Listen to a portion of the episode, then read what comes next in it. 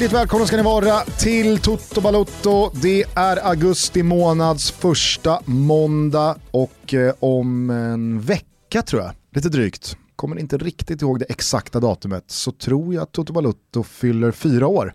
Är det så? Wow. Fyra år av eh, obrutna avsnitt, minst två gånger i veckan. Mm, så har det varit. Får man eh, inleda den här episoden med att slå sig själv lite för bröstet av en sån bedrift? Eh, tycker jag. Eh. Vad duktig du har varit Gustav. Ja men du, du är med Thomas. Så, Tack så mycket. Och vår... Ska vi inte bara ägna det här avsnittet åt att berätta hur jävla förträffliga vi är? Ja, kanske vi ska... Folk tycker ju redan att vi är dryga stockholmare. Ja. Jag har en flashback-tråd. Jaså? Ja, där, där är vi där är mycket sånt. Är du inne och... Mycket de här klichéerna om, om oss liksom kommer, kommer upp där. Är du inne och svarar, är du inne och svarar dig, fortfarande? till exempel som jag gör nu, mm -hmm. sådana saker, det kommer upp hela tiden. Nej nu får det fan vara slut på den där jävla Wilbacher som håller på och snackar i mun på Gusten hela tiden. Är du inne och svarar fortfarande och drar ner Nej. brallorna på folk som har faktafel och gam, ska gam, mopsa sig? Nej, det är jag faktiskt inte. Men man får ju kika in ibland och kolla, kolla hur, hur stämningen är. Om sakerna har kommit ut. Det var lite uppåt på slutet skulle jag vilja säga. Alltså? Ja, jo. ja jag tycker bra. att vi får en del cred. Ja, nej men vi kan väl avvakta med att eh, bara hylla oss själva i ett helt avsnitt till någon annan gång. Eh, vi ska väl också applådera vår underbara producent också, Kim Wirsén, som har varit med alla episoder och som gör ett jävla hästjobb bakom spakarna. Mm. Eh, kul att så många är med oss, eh, kul att eh, ingenting tyder på att, eh, liksom, ja, att, vi, att det inte blir fyra år till. Liksom. Nej exakt, jag trodde du skulle säga kul att eh, fotbollen äntligen är slut.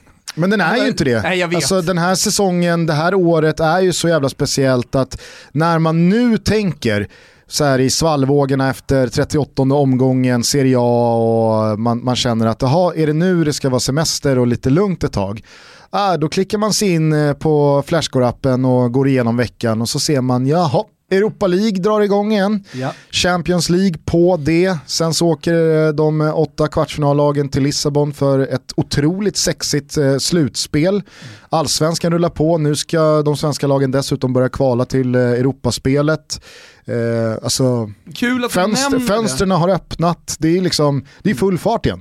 Kul att du nämner det eftersom veckans andra avsnitt kommer att handla om Europa League och Champions League där jag och Gusten ska försöka ge er precis alla förutsättningarna för att det är nog många även som lyssnar på den här podcasten och följer med i fotbollen hela tiden, som inte riktigt har koll på vad det är som väntar. Inte minst då Europa League. Men det, det, det, kommer vi ägna en timme åt på onsdag, eller hur? Precis, då ger vi er förutsättningarna inför Europa League och Champions League om starten. Dessutom så kommer vi ta ner det eventuellt lyckade, det eventuellt misslyckade playoffet till Premier League för Ponne och hans Brentford. Han har ju lovat att svara om de går till Premier League, men jag ska göra allt för att han svarar alldeles oavsett vad som händer.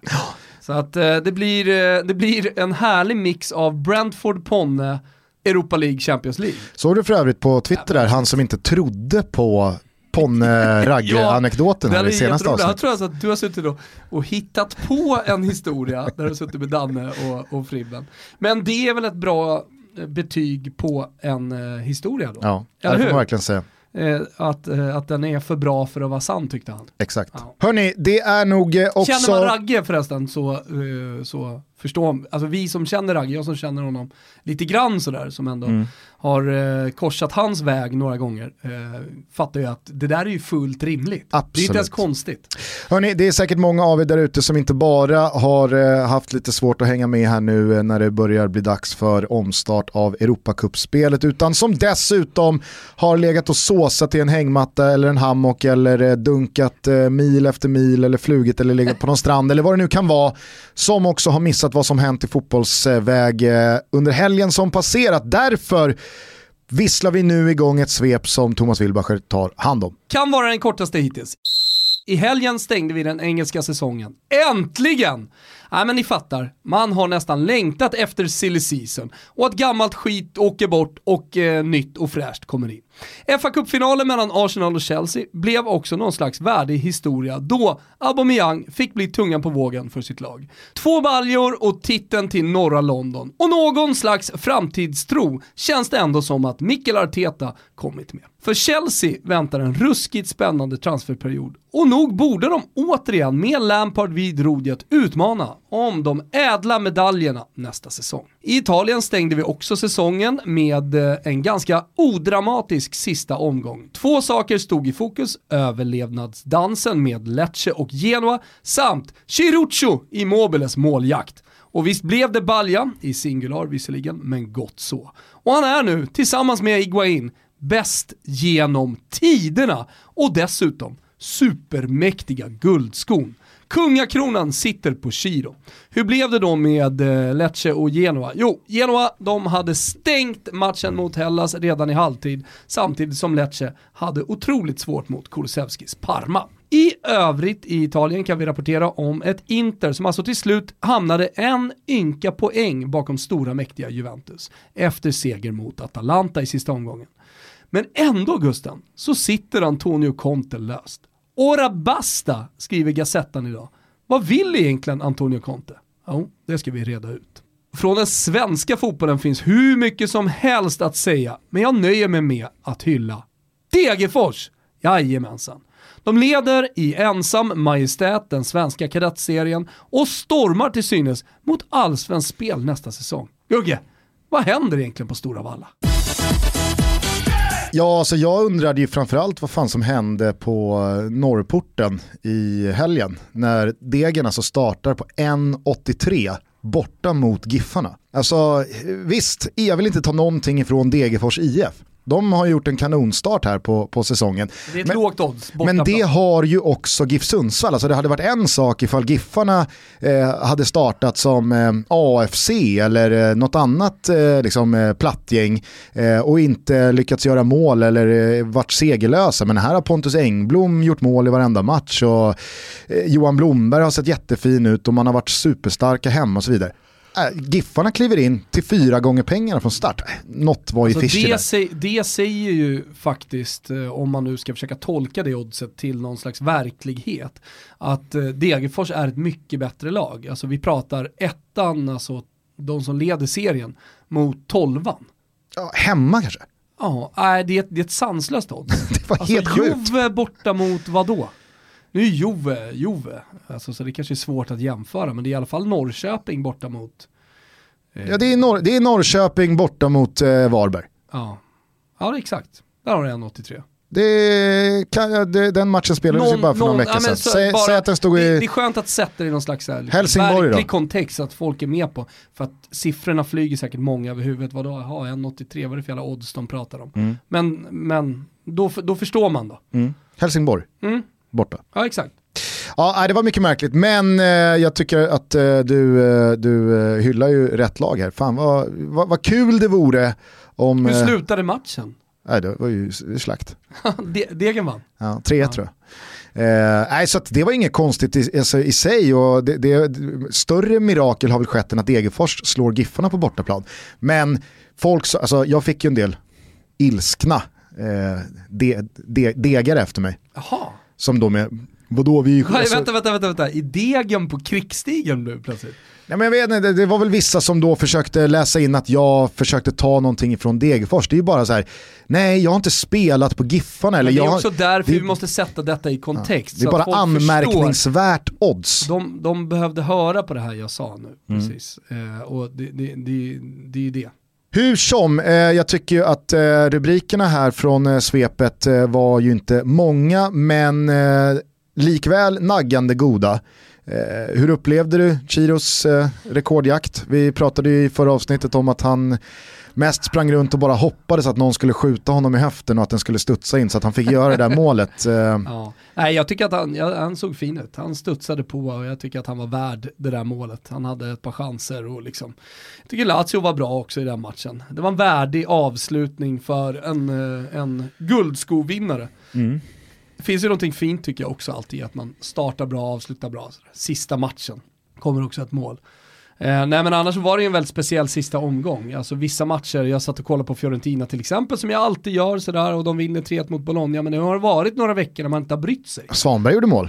Svanberg gjorde mål, eh, absolut. Kulusevski gick mål och assistlös från den sista matchen, men var eh, trots allt väldigt bra. Men eh, Svanberg fick äntligen in bollen. Vi har eftersökt poäng på Svanberg för mm. att han då ska bli en spelare som man tar på allvar lite grann i Italien. Vi tar honom på allvar, men så att man tar honom på allvar i Italien också. Sen vill jag minnas att du i senaste avsnittet pratade om att Hellas har via någon slags gemelaggio med Sampdoria incitament att då skicka ut Genoa. Men de eh, la sig på rygg. Ja, men det fanns ju många olika... 3-0 efter en halvtimme. Ja, men det fanns ju många olika incitament då. Du har ju dels Ivan Juric som är tränare i Hellas Verona som har en jättekarriär i Genoa och är väldigt älskad av eh, supportrarna. Han har dessutom tränat Genoa tidigare så han har starka band till staden och till de rödblå. Eh, så han fick ju prata, eller han fick frågor väldigt mycket om det på presskonferensen. Hur tänker du? Och självklart svarar han som han gör och självklart blir resultatet att eh, Hellas Verona knappt spelar den här matchen. Så att eh, det, han kan ju inte säga, han kan inte sitta på, vid podiet och säga, ja men vi kommer, vi, vi kommer skita på oss. Vi skiter i den här matchen. Ja men det finns ju inte. Nej. Eh, att han, att han gör det. Nej, eh, och, men och Hellas Verona-supporterna hade då på träningsanläggningen satt upp banderoller. Liksom, mot historien, mot ett Genoa i Serie B. Och verkligen försökt att elda igång sina supportrar. Förutom det så fanns också det fina att Gianpaolo Pazzini nu med största sannolikhet lägger ner karriären, i alla fall så är hans äventyr i Hellas Verona slut. Jag vet inte om han officiellt har sagt att han ska sluta, men så han har fått massa hyllningar under veckan också. Att det finns ju några små sidohistorier som 90% av de som lyssnar på den här podden skiter fullständigt i, men som jag ändå har ägnat en del tid till. Och jag ska inte säga att jag satt och grät en skvätt när det stod 3000 Verona-supportrar och sjöng Gianpaolo Pazzini, oh, eh. Utan, eh, men, men jag var rörd i alla fall. Du var rörd. Ja. Du, får jag bara fråga, när, när, när en sån där match då tonar upp sig, Genoa har allting i egna händer, de möter ett Hella som, visst, de, de kanske har någon slags eh, vänskapsincitament med Sampdoria att göra livet surt för Genoa, men egentligen så har de inte så mycket att spela för, de kan vara avslappnade, de kan snart åka till, eh, vad, är det, vad är det stället heter? Som, Forte Village. Eh, Forte Village. Eh, men då undrar jag så här, fördomsfull som jag är, och då nyfiken på om du är det tror också. Jag, jag tror att Mimmo bara säger att eh, han ska till Forte. Ja, men eh, Mimmo lämnade väl redan efter 25-28 minuter. Han Klev han av. att uttala Village. Ja. Ja. Eh, Village. Alltså, lyfts, lyfts någon lur tror du? Ja, definitivt. Men sen så och vad, många... och vad, vad sägs där liksom? Alltså... Jag, jag, jag kan väl, samtidigt så är jag nog fan lite tveksam eh, till att lurar överhuvudtaget lyfts kring den där typen av, ja, men, inte läggmatcher, men den där typen av matcher. Mm. Eh, just med tanke på historien eh, som eh, har varit i Italien med en spelskandal nyligen och där italienska myndigheter tämligen enkelt kan lyssna av telefoner, eh, även bakåt i tiden kolla WhatsApp-meddelanden och ljudmeddelanden och så vidare. Så att, eh, jag tror nog inga telefoner lyfts. Däremot så byts det nog ord både på planen och eh, på, alltså, i, i kulverterna mm. under arenan. För att det, det är inte så att det sitter någon jävla pejlare och lyssnar av vad som sägs liksom in, in, in, in, inne på uh, in, in, innandömet av Marassi. Nej men jag försöker bara tänka liksom så här, senaste gången det i Italien skedde en sån här mirakulös svängning i sista också, omgången. Det känns så, så fruktansvärt länge sedan. Ja. Om det nu inte var åt det hållet som alltså, som det inom citationstecken då skulle gå. Mm. Alltså om du förstår vad jag Nej, menar. Jag fattar vad du menar. Större lag som hamnar i kläm och så vidare. Mm. Nej men... men För så eh, usla som Genoa så... var i omgång 37, alltså man ser ju ett lag som är så här, de, här, de är så hopplöst dåliga. Som spelar då mot Djuric, Hellas som under hela säsongen varit As a person with a very deep voice, I'm hired all the time for advertising campaigns. But a deep voice doesn't sell B2B. And advertising on the wrong platform doesn't sell B2B either. That's why if you're a B2B marketer, you should use LinkedIn ads. LinkedIn has the targeting capabilities to help you reach the world's largest professional audience. That's right. Over 70 million decision makers all in one place. All the big wigs, then medium wigs. Also small wigs who are on the path to becoming big wigs. Okay, that's enough about wigs. LinkedIn ads allows you to focus on getting your B2B message to the right people. So, does that mean you should use ads on LinkedIn instead of hiring me, the man with the deepest voice in the world? Yes. Yes, it does. Get started today and see why LinkedIn is the place to be to be. We'll even give you a $100 credit on your next campaign. Go to linkedin.com slash results to claim your credit. That's linkedin.com slash results. Terms and conditions apply. Superstabila och offensiva och tunga som fan att möta. Alltså... Jag har ingen aning men jag är helt övertygad om att Ponne och gänget undrar vad Stoke håller på med. eftersom, det, eftersom det räcker med en poäng för dem. När de maskar i 87 minuter, eller 87 minuter, de börjar maska i andra halvlek. Mm. Så, så, är jag helt övertygad om att man pratar med spelarna och säger vad, vad gör du? Mm. Eh, eller ni.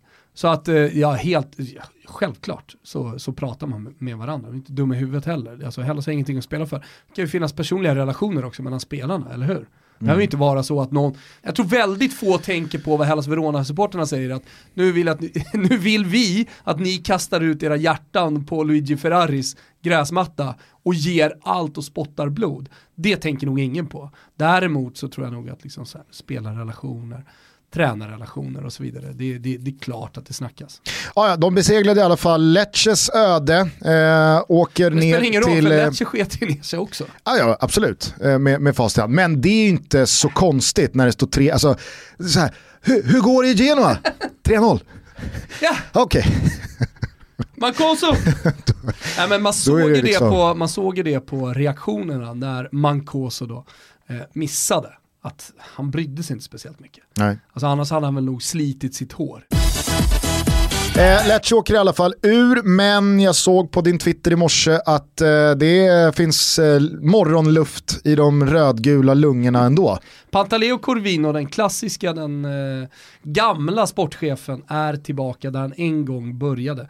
Vernole är han ifrån på klacken, Sarento. Ni som har följt eh, Thomas eh, mediala karriär eh, kommer säkert ihåg när han för eh, ett par år sedan hade en eh, podcast om just den italienska fotbollen som det, det, var någon slags efterträdare till Calciomania som du och jag gjorde och som jag då hade hoppat på efter att du hade gjort det tillsammans med, ja vi var ju med Birro och sen så var Johanna Reimers innan mig och sådär. Eh, men det, det var lite mindre fokus på det sportsliga när du och Borrell körde då Corvino utan mer fokus på, ja men eh, kanske den sportsliga ledningen mm. eh, kring vissa klubbar och så vidare. Eh, är Corvino sportchefernas sportchef? Han är i alla fall en av dem, alltså det gamla gardet, en av de tidiga, en som men jag, jag skulle vilja säga att han utvecklade sportchefsyrket eh, på det sättet han jobbade med. Eh, sen är han liksom gamla skolans sportchef som jobbar väldigt mycket med vissa typer av agenter. Eh, men, men det är ju han och Luciano Moggi till exempel. Eh, men det, det, det, det, finns, det, finns, det finns ett helt gäng, men han, det han har gjort, alltså det, hans legacy så att säga, det är att han har hittat massa spelare som många känner, känner till idag. Vucinic, eh, Chevanton, eh, Muriel, Mikkoli, kolla Muriel nu. Eh, som eh, folk då känner igen från Atalanta. Det är ju en gång i tiden eh, Pantaleo Corvinos scoutade spelare så att säga. Så Men, att, eh, Valeri Boginov eh, som eh, flög i Italien, eh, som gick sönder i Manchester City, en karriär som hade kunnat bli så jävla mycket mer men som inte blev så mycket för att det var eh, knän och hälsenor som pajade. Nämnde du Jovetic? Jovetic, där har du ytterligare en spelare. Han, han tog ju Patareo Corvino till Fiorentina, så det var efter Lecce. De här spelarna jag nämnde nu var ju Lecce-spelare som sen gick ut. Eh, Quadrado i Juventus, Corvino, eh, fynd också. Men så Corvinos eh, stora gärningar som sportchef har varit i Lecce och Fio. Ja, det kan man säga. Det kan man säga. Ja, och det han gjorde i Fiorentina är ju mycket an anmärkningsvärt såklart. Det är en, det är en sportslig eh, saga skulle man kunna säga, att de gick från Serie C2 genom B, eh, hela vägen upp till Serie A och väl i Serie A så tog det inte lång tid innan man tog, började ta Europaplatser och till och med Champions League-platser. Det, och det med ett lag som många, om man, om man, om man kollar på pappret bara, kunde kännas ganska mediokert. Men eh, då som eh, ja, gick hela vägen till den där historiska, för mig i alla fall, åttondelsfinalen mot Bayern München. Offsiden som ja. kom ja. med den. Eh, hur gammal är gubben nu? Oj, Du ser att han är väl 70 plus i alla fall. På tal om gamla italienska gubbar, 75. vet du vad som är en riktig jävla mindfuck? Nej. Som nådde mig här för några dagar sedan. Det är att Maurizio Sarri, 61 år, Mm. det är ju ingen ålder på en häst. Är den äldsta som har vunnit. Det är alltså den äldsta tränaren som har vunnit scudetton. Mm. Det är sån jävla mind... Så ska det inte vara. Nej. Alltså, eh, hade någon... I hade, Italien nej, ska men det det jag menar. Sju gubbar som har varit Om någon, 69. hade, om någon hade frågat mig, hur gammal är den äldsta tränare som vunnit Serie A tror du? Mm. Finns inte på kartan att jag hade gissat på under 70. Nej. Alltså den äldsta, det är snart 100 ligatitlar som har delats ut. Alltså 61, Mm. Någon måste vad fan är det? Det är ju det är, det är ingen Det är ingen ålder ålder alls. på en häst överhuvudtaget. Nej, det, är- det, det, det ska liksom inte vara så. Det är, usch. Men du, innan vi släpper Italien då, eh, så eh, tycker jag att du ska få lägga ut eh, texten lite om Josip Ilicic. Eh, det var ju många som... Eh, Och prata lite kort om Antonio Conte. Just det, Just det ska vi göra. Men först då Ilicic, eh, du eh, twittrade ut en liten rant, blir ju kanske fel, Ja. i, i, i, eh, i, i den här kontexten. Information. Exakt, eh, ett par sammanhängande tweets om Ilicic status och hans sommar. För det är faktiskt någonting jag har tänkt på. Så här, fan är Ilicic skadad? Nej, så satt han på bänken. Och sen så hoppade han in någon match. Och sen så hade han väl någon start. Men det var ju inte någon Ilicic som eh, flög eller gjorde mål. Eller, jaha, alltså, det, det, det, var, det var väldigt mycket eh, oklarheter kring Ilicic. Men så tänkte jag att ja, alltså Atalanta de har ju liksom ingenting att riktigt gå för så det finns väl någon slags, nu sparar vi krafterna fram till början av augusti på våra absoluta nycklar. Så Och så tänkte alla. man inte mer på det. Nej, exakt. Så tänkte nog alla. Men eh, det som har hänt då är att han när coronan kom slog till mot Bergamo, hårdast av alla städer i hela Italien.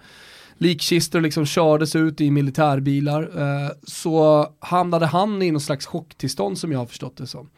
Eh, där han minns minneskriget tillbaka. Eh, han är ju uppvuxen utan en pappa också. Sådär, eh, eh så han har väl haft en ganska tuff upp, uppväxt. Men, men eh, under corona lockdownen i Italien så hamnar han i någon slags eh, depression. Och eh, på det då, det här det finns väl inga så här bekräftade gazettuppgifter på det här, men, men det har skrivits om det i slovensk press och pratat med eh, andra, andra juggar liksom som, i, i, nu, nu följer inte jag Balkanpressen så noga, men jag har pratat med, med, med lite polare och där är det mer eller mindre då, eh, bekräftat att han Hans fru är i Slovenien under lockdownen, han ska åka ner och hälsa på henne och eh, mer eller mindre ta henne på bar gärning som jag förstår, med en annan man. Eh, så förutom då en eh, redan, en redan pågående depression så stöter han på detta. Eh, och eh, det gör att han helt enkelt vill lägga av. Han vill inte spela med fotboll. Han har försökt nu i början av, som du sa, gjort något inhopp och sånt där, men nu har han åkt tillbaka till Slovenien. Och ingen vet eh, om han kommer tillbaka till Bergamo igen överhuvudtaget. Och vad är liksom de, de sportsliga kommentarerna kring det här från Atalanta-håll? Alltså det, Nej, det, det- det är ett det- mega avbräck. Ja exakt. Nej, det, det, det det, de enda kommentarerna är att de är nära honom, att de, de, de tänker på honom, alltså så, medmänsklighet. Och så också från supporterna. Så att det, det har varit banderoller där man, där man stöttar honom och väldigt mycket på sociala medier också. Inte det här, hörru, det, det är ett mjuklast i pannben, vad är det du håller på med? Utan det har, det har verkligen varit mycket kärlek till honom. Sådär. Så vi, vi får se, men han kommer inte spela i någon Champions League. Utan eh, det, det är i så fall då om man skulle komma tillbaka och hitta motivation eller liksom, ja, må bättre inför nästa säsong i september. Jag Men menar, det, eh, det, vi ska nog inte bli förvånade om Ilicic har spelat sin sista match. 88. Nej. Nog 88. ja. Eh, ja, alltså. Det hade ju, det hade såklart, var, var, alltså, det, det, det ska väl inte spela någon roll oavsett hur gammal man är, men Det hade varit ännu mer anmärkningsvärt om han hade varit 26. precis. Å andra sidan så är det ju extremt anmärkningsvärt. Men då hade man ju kunnat säga att han kan säger- komma tillbaka när han är 28. Så att Ja. säga. Men nu, nu är det så här, kom tillbaka nu eller ja, Ja, exakt. kommer han nog inte tillbaka. Nej men jag tänker är också, jag tänker också att det säger ju någonting om hur illa däran han är när han inte har någon lust att komma tillbaka nu. Spela, eh, exakt, alltså. Josep Ilicic, Alltså. han har inte spelat många Champions League-kvartsfinaler i sin karriär. Han kommer nog Ingen. inte spela speciellt många till. Eh, och när, när, när man då inför en sån stund i sin fotbollskarriär inte känner att man vill vara med, då, då mår man inte bra. Då mår man inte bra och vi hade ju ett avsnitt i Never Forget om Hillsboroughs eh, 97 offer som belyste, tycker jag, eh, problemet med eh, psykisk ohälsa hos, hos män. Eh, som man sällan belyser, som vi har blivit bättre på. Men, men det här tycker jag absolut får, får vara ett, en sån situation och eh, en händelse som, som belyser, alltså att det, det, det är fortfarande människor som, som springer på fotbollsplanerna. Visst, de är miljonärer och de är privilegierade och så vidare, men man kan faktiskt må jävligt dåligt också. Eh, även om man har hur mycket pengar som helst och till synes har allt. Mm. Eh, så ja, nej fan, vi, ja, vi, vi följer väl, eller jag följer i alla fall rapporteringen från Bergamo, så vi får väl se om det kommer nyheter vad det gäller eh, Josip Ilicic. Kanske får jacka upp eh, frekvensen i hur du följer Balkanpressen också. Ja, exakt. Det är lite svårt eftersom det är ett språk som jag inte behärskar. Nästan alla andra språk behärskar jag. Mm. Eh, Antonio Conte då, slutar som sagt tvåa under sin första säsong med eh, Inter. Eh, blott en poäng bakom Juventus, men... Lite sminkat såklart. Alltså, inte Juventus... så lite heller. Alltså, Juventus insats mot eh, först Cagliari mm. och sen Roma. Det var... Ställer ändå upp eh, helt okej lag, det ska sägas. Ja, visst, men... Det ska ändå sägas, det är en poäng bakom. Det är ett Lyon som kommer eh, i 1-0 förarsäte eh, i Champions League, åttondelen. Alltså... Förlåt eh, från svepet, jag rapporterade ju inte om den franska ligacupfinalen. Nej. Det var ju en Men det är för att det är så många cupfinaler i Frankrike. Ja, jag De vet. har ju typ sex Men den här inhemska matchen, kupper. vet du vad, den här matchen betydde något. Och, ja, det gjorde väl den mot Saint-Étienne också? Jo, men den här matchen hade publik. Det var 5000 som hade fått eh, komma på matchen. Och eh, det, det, roliga var att de hade inte spritt ut dem över hela arenan utan de hade satt dem ganska tajt ändå. Som kommentatorn också noterade tidigt. Men eh, hängde du med i hur den urvalsprocessen gick till? Nej, det har jag faktiskt inte gjort. För det är ju det som är liksom... Lotta bland årskort kanske, jag vet inte. Det var mellan PSG och Lyon ska jag säga, så vi kan komma till det. Mm, exakt, nej men det är ju det, det, det stora liksom det stora hindret mellan att nog kunna släppa på reducerad publikkapacitet och inte göra det. Att det är så många som ja, men inte ställer upp på urvalsprocessen. Mm. Jag menar, det finns ultras som har eh, gett sitt liv och sitt blod och sina ja, men pengar. Du kommer aldrig kunna göra en sån urvalsprocess, jag tror du måste lotta på något sätt. Ja, och vad är då det? Ja, alltså... det, det är väl vad det är. Mm. Det är väl precis vad det är. Men jag ska bara säga att var, vi tyckte jag att Lyon var väldigt bra. Vi var överraskade När vi var på plats ja, och, och såg. Lyon mot Juventus. Återigen imponerad av Lyon. Mm. Den här matchen går ju sen till straffar. Allting slutar med, eller i 121 minuten så ska Neymar skjuta en frispark, han drar en 40 meter över. Och det tycker, då tycker jag att det är ett tecken på vad som ska hända under straffläggningen. Vi har ju sett hur många mästare, Gusten? Hur många nummer 10-spelare missa en avgörande straff? Och de ska alltid slå den där avgörande straffen. Roberto Baggios minns vi ju. Till exempel. Till exempel. Men det finns många. Så jag såg ju bara framför mig när John Terry. Alla, ja, John Terry till exempel.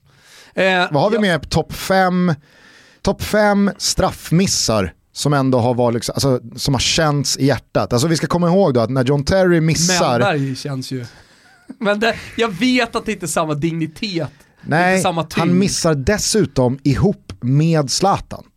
Alltså, John Terry har alltså sin straff för att skjuta Champions League-bucklan till sitt Chelsea mm. mot Manchester United i Abramovic Moskva. Mm. Och så halkar han. Är... Jag vet inte vad du har för topp 5, vi får fråga våra lyssnare samtidigt som jag då rapporterar om den här, du kan fundera lite när jag rapporterar om straffskjutningen. Det är fem mål Lyon och Neymar stegar upp och jag ser det bara framför mig. Här har vi återigen en, nu är det bara ligacupfinal, så hur klassiskt den blir, det vet jag inte. Men jag tänker att han ska missa, men han sätter den och till slut vinner PSG. Och det är inga gobby i PSG än.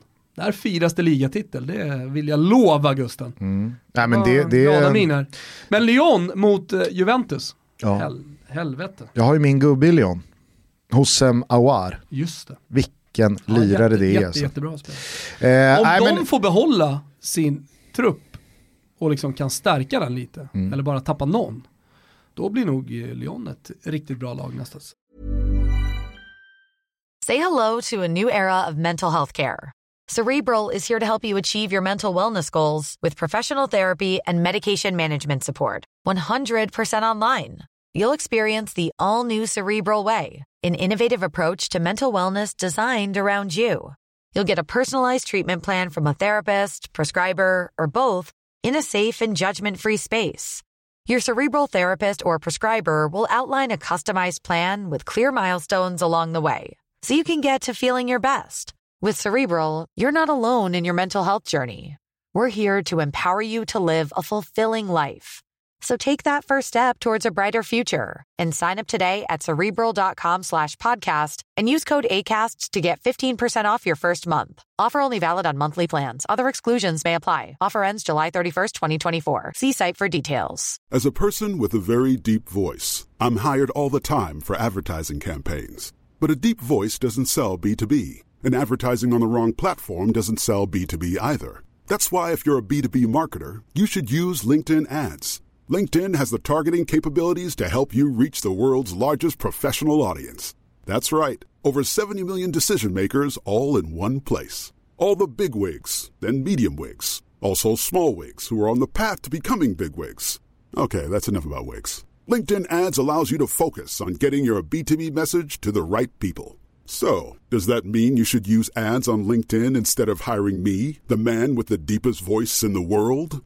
Yes. Yes, it does. Get started today and see why LinkedIn is the place to be to be. We'll even give you a $100 credit on your next campaign. Go to linkedin.com slash results to claim your credit. That's linkedin.com slash results. Terms and conditions apply. Ja, jag tänker dessutom att man har ju faktiskt möjligheter att kunna göra någonting redan nu. Alltså det utgångsläget man har mot ett Juventus som visst, förvisso ser bra ut framåt med inte minst då Cristiano Ronaldo i, i pangslag. Men som faktiskt också inte känns rock solid bakåt. Eh, så har ju Lyon dunderläge att tvinga upp Juventus till att behöva göra tre. Ja. Jag menar med Awar, med Cornet, med Depay, Dembélé, alltså det finns ju en offensiv i Lyon Mm. som absolut luktar mål. Ska säga det inför nästa säsong, vi har alltid haft vår gubbe på stor, varje storliga. Vi har Pinitoro, vi har eh, Hoffman, vi har Pöler och så vidare. Vi har ju en eh, man i Frankrike nu som vi ska göra ett avsnitt med inför den franska säsongen. Alltså. Jakob Nilsson, gamla svenska fanskribenten som hjälper oss nu med lite eh, Never Forget-texter. Otrolig penna och otrolig koll på den franska fotbollen. Rest med Marseilles Ultras i över ett decennium. Så att eh, han, han har järnkoll. Kan vi fråga honom då vad han tycker eh, om urvalsprocesserna? Alltså hur det ska gå till. Till exempel. Vad han ska ställer upp på. Han, han, han, han kan vi ringa och, och få eh, info om allt Mm. i framtiden. Spännande. Det är kul med en fransk gubbe. Ja. Eh, hur hamnade vi i eh, Lyon? Jo, du kom på att du hade missat Coupe de la Ligue-finalen Ja. i ditt svep. Eh, vi pratade om Juventus för att deras eh, blott en poäng eh, stora marginal ner till Inter var rejält översminkad eftersom man tankade ganska så rejält, säger jag, i alla fall insatsmässigt. Jag vet att man ställde upp med ett bra lag mot Cagliari, klart sämre mot Roma, men ändå, det var ju ett Juventus som tänkte på Lyon när då Inter tog 6 poäng och Juventus 0. Således så blev marginalen bara en pinne mellan Juventus och Inter, men Conte ryktas alltså trots detta Ja. sitta lite halvlöst. Ja, alltså han sitter löst. För att han på presskonferensen, efter att ha slagit Atalanta, vara en poäng bakom Juventus, förväntar man sig väl att han bara då ska hämta hem säsongen lite och kanske elda upp inför nästa säsong. Att fan, nu hamnar vi en poäng bakom. Men vad gör han? Jo, han sätter sig och kritiserar ledningen. S- han, Som eh, en chef. Eh, Som en jävla chefe alltså. Han pratar om en svag eh, klubb. Eh, som eh, till exempel inte har skyddat laget tillräckligt, inte skyddat honom tillräckligt. Att vi får se, jag vill sätta mig ner med presidenten, prata med honom, jag vill sätta mig med klubbledningen. Jag vet inte hur framtiden ser ut. Alltså han lämnar väldigt, väldigt många frågetecken. Och hur tror du det landar i Milano och hur tror du det landar i Kina när de får översättningen på det där? Det landar ju inte bra va? Nej, det, det kan jag förstå. Å andra sidan så måste ju de förstå att Conte vet ju vad han gör. Han råkar ju inte försäga sig här. Nej, men vem är han att veta vad han gör? Sätt, ta tre poäng gubben. Alltså, vem, vem är du att kritisera oss? Och det här var ju också Eh, anledningen till då... exiten i Juventus, att han kritiserade klubbledningen med de bevingade orden man kan inte äta på en 100 euros restaurang med en 10 euro sedel. Vi spenderar för lite pengar. Mm. Vi kommer aldrig kunna vara med och slåss om Champions League-titlar. Och sen tog Angel, eh, Angelis, han tog Allegri över och sen så gick man till två Champions League-finaler. Så att eh, det, det, då kan man ju säga att Conte kanske hade fel. En viss skillnad här som ändå är adekvat att dra upp känner jag, det är väl att Conte talade i de där termerna eh, i ett läge när han hade varit i Juventus ganska länge. Mm. Nu har ju Conte bara varit i Inter i ett år. Det är ju ändå en, en, en, en tydlig ja. skillnad här. Jo, men så, det, det, det, här är ju inte första gången han sätter sig och kritiserar. Alltså eh, post Bologna, post Verona. Också kritik mot, mot eh, klubbledningen. Eh, efter eh, krysset mot Roma, då pratade han om att klubben hade för lite politisk tyngd in, inom den italienska fotbollen. Så han kritiserade klubben efter Roma också. Så det har liksom pågått det här. Mm. Jag menar bara att Conte vet väl vad han gör i termer av att antingen så måste det här bli bättre och jag måste få till en förändring som jag vill åt. Eller så innebär det här då att de flyttar på mig med ett ganska bra avgångsvederlag. Ja, jo, jag, jag, jag tror, eh, jag, jag, tror inte att, att det spelar så stor roll i det här, liksom avgångsnederlag eh, och, och så vidare. Nej, ett avgångsvederlag. Ja, vad sa jag då? Avgångsnederlag. Ja, det är ju också ett nederlag. Det är ett avgångsnederlag. Jag vet, men om, om, om Conte känner, precis som han kanske har gjort då i tidigare klubbar, att antingen så får vi till en förändring här så att jag är nöjd, för det är vad jag tror måste förändras, annars kommer inte det här gå. Annars kommer inte jag tro på projektet, jag kommer inte tro på det vi gör framåt i tiden. Eller så får ni då tycka att jag är en obekväm jävel som håller på och kritiserar eh, trots att eh, ni inte tycker att jag har rätt till det. Och då får ni väl skicka mig då. Ja, och det är precis det som håller på att hända. Ja, och det kommer ju inte då, alltså det kommer inte Conte sitta och sura ja, över. Vet du vad? Nej det kommer han inte göra, men han får ju för fan lugna sig lite. Han har varit ett år i Inter, han har redan gjort väldigt mycket med ett Inter som kändes som en förlorarklubb. Han har Europa League som ska spelas nu. Och jag tror att det på något sätt kommer att bli, ja, Europa League-spelet kommer nog att bli avgörande för hans framtid. Hur han pratar kring de matcherna. Och kanske lite, inte, inte resultaten för klubbens skull, utan han kan nog åka ur direkt och ändå liksom vara med. Men i kombination med hur han pratar. Får jag fråga en fråga till dig som då vet att eh, Conte bara gör bra värvningar och bara får ut max av grundkvalitet. När ska Godin bli Diego Godin igen? Mm. Problemet är att de har ju begränsat med platser i det, i det försvaret. Jag tycker det snurras ganska friskt med namn som tar tröja i de där backlinjerna. Ja. Hur han nu väljer att ja, formera men, dem. Alltså så här, det, det, kommer ju alltid finnas spelare även i kontelag som inte lirar. Och uh, Godin är ju en sån spelare där han uppenbarligen har valt andra som uppenbarligen har funkat ganska bra. Kolla på Dambrosio, som är en spelare som vi myggade av när han eh, stod och friade på Piazza del Duomo i, i Milano för något år sedan och tänkte att fan, nu har han, nu har han cashat in D'Ambrosio, fått det här stora kontraktet. Fotbollen den, den skiter han nog ganska mycket i. Gör mål, gör ass, gör bra försvarsprestationer. Mm. Medioter, återigen så här medioker spelare som Antonio Conte har gjort till en Ashley Young, nästa spelare som eh, liksom var slut tyckte alla, skit i Manchester United kolla på hur han spelar fotboll. Och kom fan inte med det där snacket om att han var då i, i Serie A enkelt och dålig liga. För det, det stämmer liksom inte. Nej nej, det, det stämmer inte. Men alla värvningar har inte varit super. Det är bara det jag vill åt. Nej. Och jag tycker att en, en sagt, sån supermittback som Diego Godin. Alexis Sanchez, när var han slut? Väldigt länge sedan var han slut och har varit slut väldigt länge. Otroligt bra. Han har varit otroligt bra. Otroligt bra post-corona ska jag säga. Okay. Ja. Han har varit otroligt bra. Ja, kanske har sett Sen har lite... ju spelare som Barella som han har tagit från en provinsklubb, ung spelare som han har tagit till nästa steg. Som är nu bra i en klubb som hamnar en poäng bakom, bakom Inter. Mm. Det finns hur många som helst.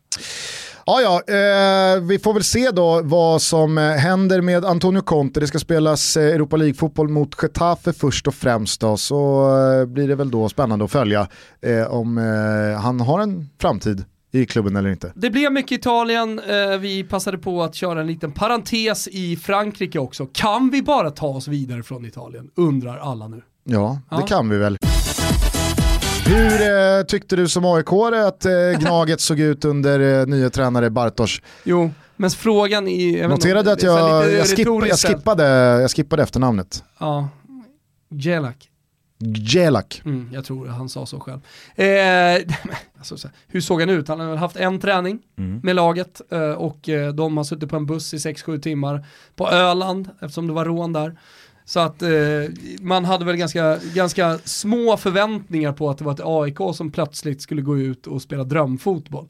Eh, såg ut som skit, eh, däremot så såg det väl kanske lite mer stabilt ut med en fyrbackslinje. Eh, inte lika mycket hönsgård som tidigare. Eh, och sen så fick vi några tydliga signaler också om att det ska inte spelas lika många junisar från start. Det tror jag däremot är en markering. Att Strannegård inte startar eh, och att eh, eh, Tihi inte startar i den fyrbackslinjen utan att det är Mets och Pertan. Det jag ändå tyckte var anmärkningsvärt var att det här, eh, vad ska man säga, energin som brukar komma från ett tränarskifte när, om man nu ska tro fan i mig alla samstämmiga uppgifter att alla på Kolberg och alla kring laget och i ledningen tycker det var ganska skönt att Norling fick lämna för att det hade, det hade skurit sig eh, rent energimässigt om vi säger så. Då. Mm. Eh, den katalysatorn tyckte inte jag eh, var speciellt närvarande. Att liksom, nu är Norling borta, nu mår alla bra igen, nu går vi ut och kör, vi är Gnaget. Alltså, det, det, det var ju någonting som inte syntes. Nej, nej den syntes inte. Andra, helt rätt i Andra rubriker från den allsvenska omgången det var ju att eh, Malmö tog kanske ja, hela, hela årets mest väntade asfalteringsseger av samma Blåvitt då, då, som de torskade mot i uh, cupfinalen ja, bara herregud, några dagar innan. där kunde man spela friskt om man hade velat. Ja men det, det, det, är så exakt sådär det går till när ett favoritlag surt som djävulen halkar bort kupptiteln i slutet och så möts man några dagar senare i seriespelet. Och så tänker man, ja fast Blåvitt vann ju. Ja, nej, nej. nej. Det, det, det, var över innan den här matchen ens hade börjat. Eh, tycker den här eh, Sarr, mm. i Malmö. Jävla sympatiskt intryck eh, i intervjun eh, efteråt som jag hörde på Radiosporten och jag tyckte han såg eh, bra ut i de aktioner som mm. ja, och du, både, både var mål och... Du ser ju det jag såg för länge sedan. Okej, okay. med Sar? Nej, med Malmö FF. Ah, ja. ja, att det blir guld ja. Ja men du ser ju det. Mm. Absolut. Ja, ja. Bara undra liksom. Mm. Nej, men jag... alla, alla, som lyssnar på den här podcasten, ni ser väl också det? Ja. Även Norrköpingssupportrarna förstår väl att det inte kommer bli något guld i år. Såg du också precis som jag när Ostedt fumlade in eh, långskottet eh, från, eh, var det Max Svensson, mm. eh, att eh, ah, det är därför han stått i MLS ett par år. ja. Nej men alltså det, det, där, det där är ju liksom, gör, gör man fyra år i MLS, då finns det där. Alltid i bakfickan, du, redo att plocka fram. Du har ju varit borta från uh, den spelade fotbollen under en ganska lång tid i och med att du uh, inte kan spela fotboll. Mm. Med bruten rygg och allt vad det är. Eller hur? Paj höft. Paj höft, det är så. Så, uh, så är det bruten rygg också. Ja, så är det bruten rygg också. Och ehm, fot. ja, det, är, det är en sargad kropp så är det. går runt här. Eh, Lövtunn är den inte, journalen. Nej, det är den inte. Men eh, då har du missat vissa saker. Som liksom benskydd i eh, kevlar. Eh, du har missat eh, den, eh, ja, men den nya eh, Predator-skon till exempel med små, små, små, små dobbar som man liksom har uppdaterat. Alltså just material då inom fotbollen som har uppdaterats. Jag såg Serie A-bollen som är en Nike-boll, eh, kan man köpa på Unisport till exempel. Mm. Eh, den eh, är ju väldigt speciell. Eh, jag köpte ju hem den, en slags juniorreplika storlek 4 till min dotter. Det är alltså ganska stora räfflor i hela bollen. Det är någonting som du aldrig har sett förut och någonting som du aldrig har spelat med tidigare. Den officiella bollen är, har ju såklart väldigt mycket mer teknologi och det blir Serie A-bollen inför nästa säsong. Sådana saker missar du. Ska du med detta eh, liksom, ta Ostet i försvar? Att det är, en, Nej, det, tvärtom. det, är knepig, det är ett knepigt Det jag ska skott. komma till, eh, med, jag, eh, jag eh, kompisar i Täby, Mm. eh, deras grabb som är 15 bara spelar fotboll, är målvakt där, la ut på sin eh, Instagram att eh, han hade fått nya målvaktshandskar. Och så liksom la han dem mot varandra och så, så drog. Alltså det är ju det är klister på de handskarna när de kommer. Och en allsvensk fotbollsmålvakt ser till så att det alltid är klister. Han, William, han kanske liksom får ett par och sen i slutet på säsongen så har det där klistret försvunnit mer eller mindre. Men en allsvensk fotbollsmålvakt idag behöver inte spotta i handskarna. Det är, det är klister alltså på, på, på dem. Och det var dit jag skulle komma. Hur är det ens möjligt med den teknologin som finns i fotbollshandskar att tappa in den bollen? För att det är ju liksom såpa i händerna, en, så, en sån aktion. Ja, fast det handlar väl om att han inte sätter dit händerna utan att han gör, ändå general, fastna. han gör generalfelet som, det, det, det, alltså, det där ska man inte Han ens tar se. inte skottet på allvar, är det det du menar? Jo, det gör han väl, men alla som är äldre än 12 år och som någon gång har liksom bedrivit någon slags fotbollsträning, man behöver inte ens vara målvakt, vet ju att om, om, eh, om skottet är högre än brösthöjd, Mm. Då hoppar man inte för att ta den i bröstet. Alltså, han, ska, Men han är där med hand- det är så han är där med fumligt. Han, Han är, är där så fumligt så att det är Where's that dust coming from? Still finding debris after vacuuming? Eufy X10 Pro Omni Robot Vacuum has 8,000 PA of powerful suction to remove debris deep in carpets. And it's totally hands free. Want to know more? Go to eufy.com. That's EUFY.com and discover X10 Pro Omni, the best in class all in one robot vacuum for only $799. Selling a little or a lot? Shopify helps you do your thing however you cha-ching. Shopify is the global commerce platform that helps you sell at every stage of your business. From the launch your online shop stage to the first real life store stage, all the way to the did we just hit a million orders stage. Shopify is there to help you grow. Shopify helps you turn browsers into buyers with the internet's best converting checkout. 36% better on average compared to other leading commerce platforms because businesses that grow grow with Shopify. Get a $1 per month trial period at shopify.com/work. shopify.com/work. Eh, Det är, äh, det, är, det är en av de äh, grövre tavlorna jag sett. Och det är bara synd om Bayern som jag tycker gör en bra match och som får ju in en välförtjänt kvittering. Alltså på tal om maskning, vilket lag var det du pratade om? Som, Stoke. Ja, Stoke. Nu hade ju äh, absolut Helsingborg alla anledningar att maska bort varenda sekund som gick. För Hammarby är ett så mycket bättre fotbollslag Ja, och, än vad Helsingborg och är. Helsingborg ligger där de ligger i tabellen. De, de, de skiter de inte i om det leder. blir tre eller en poäng. De behöver tre poäng. Såklart. Eh, så att, Det ska spela cynisk, maskande fotboll. men jävlar vad det, vad, vad varje sekund las i fickan. Tänk dig ändå att den svenska fotbollen har kommit dit. Hade det här hänt för 15 år sedan, då hade ju alla stått där och liksom undrat vad fan det är som händer. Så här spelar man ju inte fotboll. Nej. Ja, det är bara Italien man gör. Men så jävla signifikativt att i det läget Hammarby är inne i nu, alltså det, vill sig inte riktigt. Så gör man en av sina bättre prestationer, alltså stabilitetsmässigt. Men man vinner ändå inte, man får kriga in en kvittering med 10 sekunder kvar. Just för att en sån där tavla som du inte ens ser på Sankt Erikscups grusplaner runt om i, i, i Stockholm. En sån dyker upp. Ja det är klart att den dyker upp i ett sånt här skede av säsongen också. Så att, äh, det, det, är sån, det, det, är, det är motlut på inte bara AIK i den här stan. Däremot Djurgården.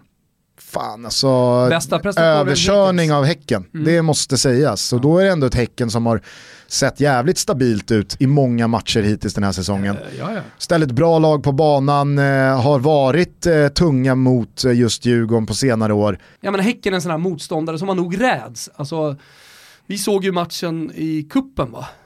Eh, och hur fan gick den? Nej, det vann Häcken eh, Ja, de i vann förlängning. den. Ja, exakt. Och då, hade- då, då hade man ändå förväntat sig en bättre prestation av Djurgården. Så jag, jag tror ändå det är en motståndare, lite som eh, Malmö kan vara för Hammarby. Nu är det framförallt Malmö borta som jag tror att många Hammarbyare känner att nej, vi kan inte bara, vi kan inte ta poäng, Malmö borta.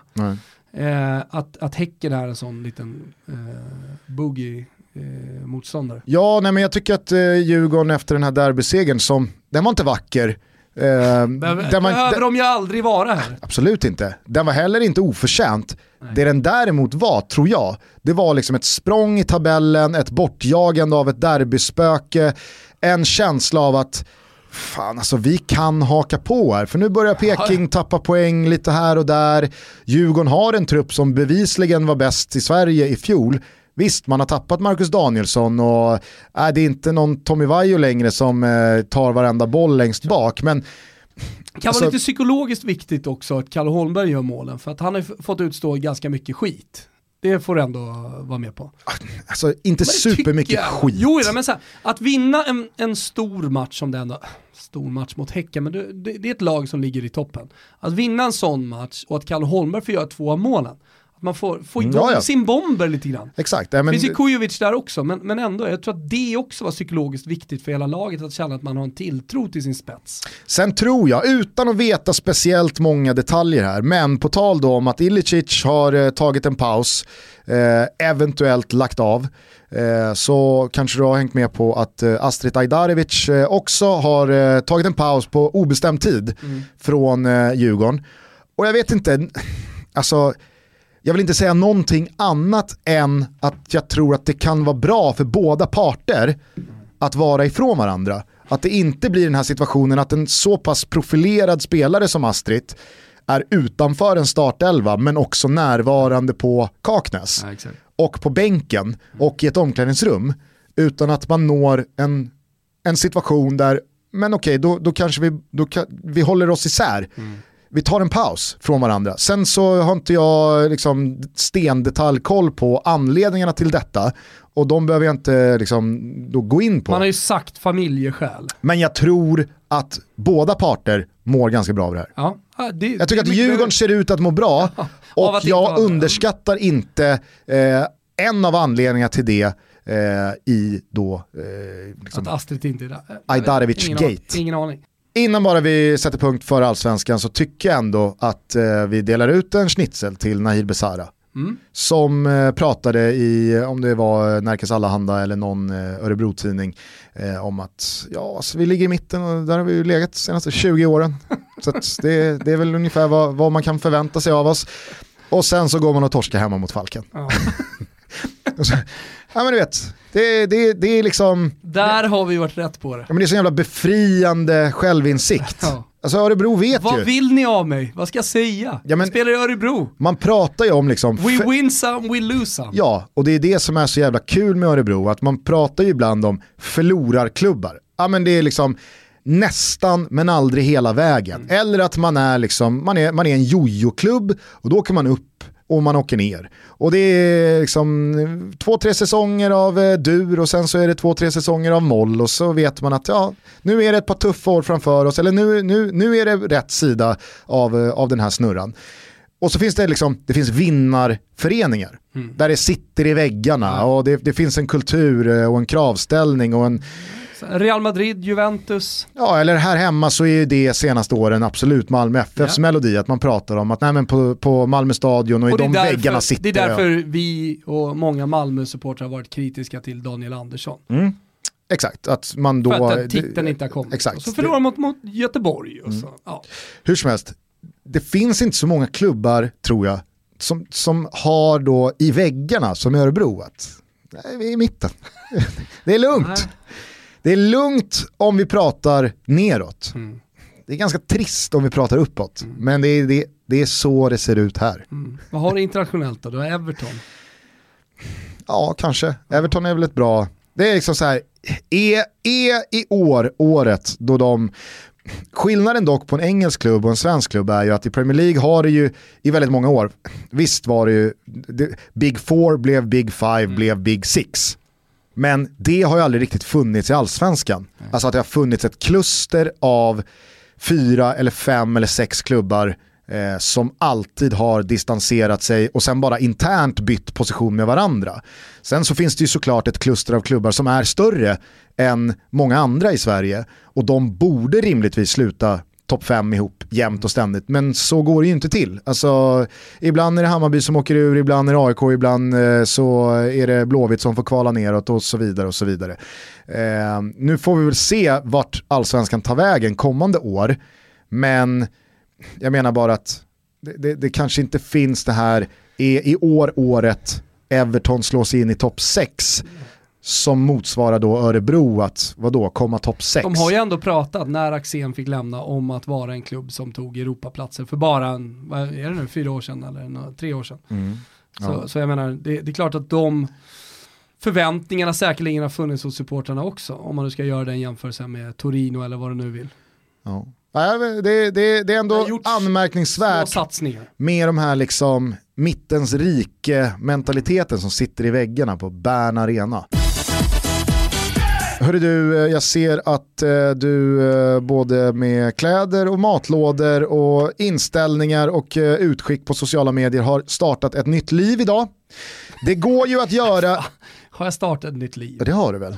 Du, om... Käka lite mindre och rör mig lite mer, det jag. Alltså den dagen Thomas Wilbacher kommer med ganska deppigt käk i en liten matlåda för att äta på utsatt tid. Ah, okay det är ändå en dag som markerar starten på ett nytt liv. Ja, det, det får du ändå tillstå. Det, fast nytt liv, det är på något sätt så här, det här ska vara för evigt. Det, så, ska det, så är det ju inte. Nej, men det är, det är, en, det är en rivstart. Ja, det är, det är en, en kickstart på förhoppningsvis då ett halvnytt liv. Mm. Eh, ett halvnytt liv kan man ju också ge sig själv genom att förändra sitt yrkesliv och då vet ni att ni via randstad.se kan registrera ert CV, bevaka jobb, få hjälp med att eh, ja, optimera er karriär eller för den delen eh, hitta ett extra knäck bredvid studier och så vidare. Så gå in på randstad.se och eh, starta ditt nya liv även idag. Ja, men jag tycker två nyckelord där. Dels är det nystart mm. inför hösten och optimering. Och de är ju trots allt världsledande, så ni behöver inte gå någon annanstans. Det är bara att gå in på randstad.se. Nu säger du inför hösten, jag tycker att hösten eh, tar vi inte i munnen. Vi tar inte hösten i munnen ri riktigt än. Nej. Det är fortfarande sommar, det är bara vecka 32. För många är det semestertider och nu har ju förvisso då Spanienvärmen dragit in över Sverige. Men det skymmer på kvällen, det kanske kommer en skur här och där. Vad passar då bättre Thomas? Än innan då fotbollen drar igång igen, alltså i det här lilla, lilla andningshålet, lägga sig i soffan, knappa in sig på Simor och kika in på den nya säsongen av Morden i Sandhamn. Ja. har vi något mer, eh, alltså, har, finns det något mer, det mer svensk sensommarkväll? Nej, det finns det nog inte. Det är väl underbart. Ja, det är underbart. Och man kan ju såklart också se den nya dokumentären om Barcelona. Det rullar ut eh, nya avsnitt också där. Den är jättebra. Precis, eh, och innan ni ens hinner kolla klart på de avsnitten, ja men då är det igång igen med fotboll på Simons kanaler. Eh, dessutom så går ju golfen in i ett högoktanigt skede just nu. Härligt. Så att, eh, följ golfen via Simors kanaler. Vi är i alla fall jävligt tacksamma gentemot både Randstad och Simor för att de är med och möjliggör Toto Balotto. Mycket. Europa League, Champions League är det som stundar Gusten. Det ska bli sjukt jäkla kul. Vi har såklart eh, med oss Betsson i det här, vi har såklart med oss tankar. Uh, och det kommer ni få uh, när nu Europa League och Champions League går in i sin slutfas. Precis, och all matnyttig information kring detta kan ni lyssna till i veckans andra avsnitt som alltså kommer på onsdag. Då har du också pratat med en förhoppningsvis segerrusig och lycklig, kanske också lättad Ponne. Jag, jag, jag håller tummarna för det. Men även om det här skulle sluta i moll så ska du göra ditt allt för att få tag i Ponne. Mm, jag ska göra mitt allt för att få tag i honom. Jag följer, som jag sa i svepet också, Silly Season med stort intresse och med stor glädje. Det känns på något sätt härligt att Silly Season är tillbaka. Vilket, Till exempel eh, tränarsnurran i Italien, att Antonio Conte, anledningen att han håller på så här, det är ju så spekulationerna går, det är för att han vill till Juventus utöver efter Sarri. Och vem ska då in i Inter tänker du? Jo, Massim Massimiliano Max Allegri. Sådana saker är kul. Och cement till, eh, till Napoli. Vart Bara fan, en sån vart sak. fan ska Sarri då? Sarri, han ska väl typ eh, ta lite sabbatsår. Kanske ska han sluta. Den gubben, den Nej, gubben, den gubben borde inte ta ett sabbatsår. Så, så att Beppe Jackin, han fick ju fortsätta Men de engelska klubbarna ska gå in i den här silly season-perioden också och göra stora saker. Så att eh, vid sidan av liksom att Champions League och Europa League ska spela så kommer det då ryktena börja dra igång. Mm. Och Toto Balutto, vi är med er genom allt, som vanligt två gånger i veckan. Jag tänkte bara fråga där, är det något spelaröde du, du följer väldigt noga? Så jävla bra avslutning jag gjorde, men är det något spelaröde som jag följer extra noga? Är det Koulibaly? Nej, Va, hur kan jag följa honom extra noga? Det är väl vad det är. Jag tänker, alltså det är nu eller aldrig. Mm. Jo, nej men det är en av de där spelarna, men vad händer med egentligen med Paul Pogba? Ja, han ska väl stanna. Aubameyang, nu säger alla Arsenal-supportrar, vad, vad snackar de? Vadå, vilken motivation?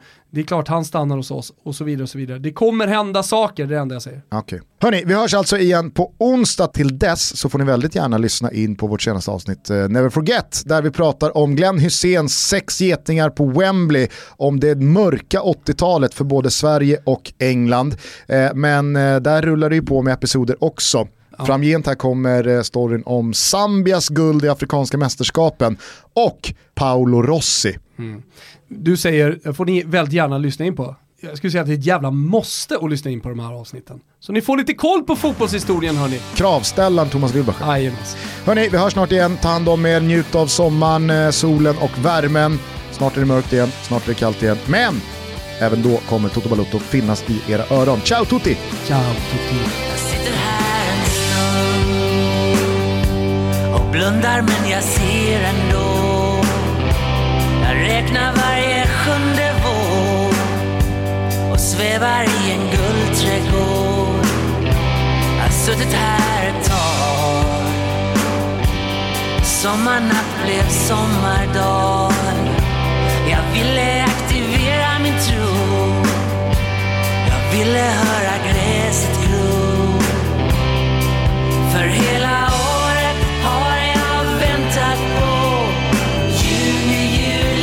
För vindarna är varma då. Juli, juli, augusti. Det tror jag inte.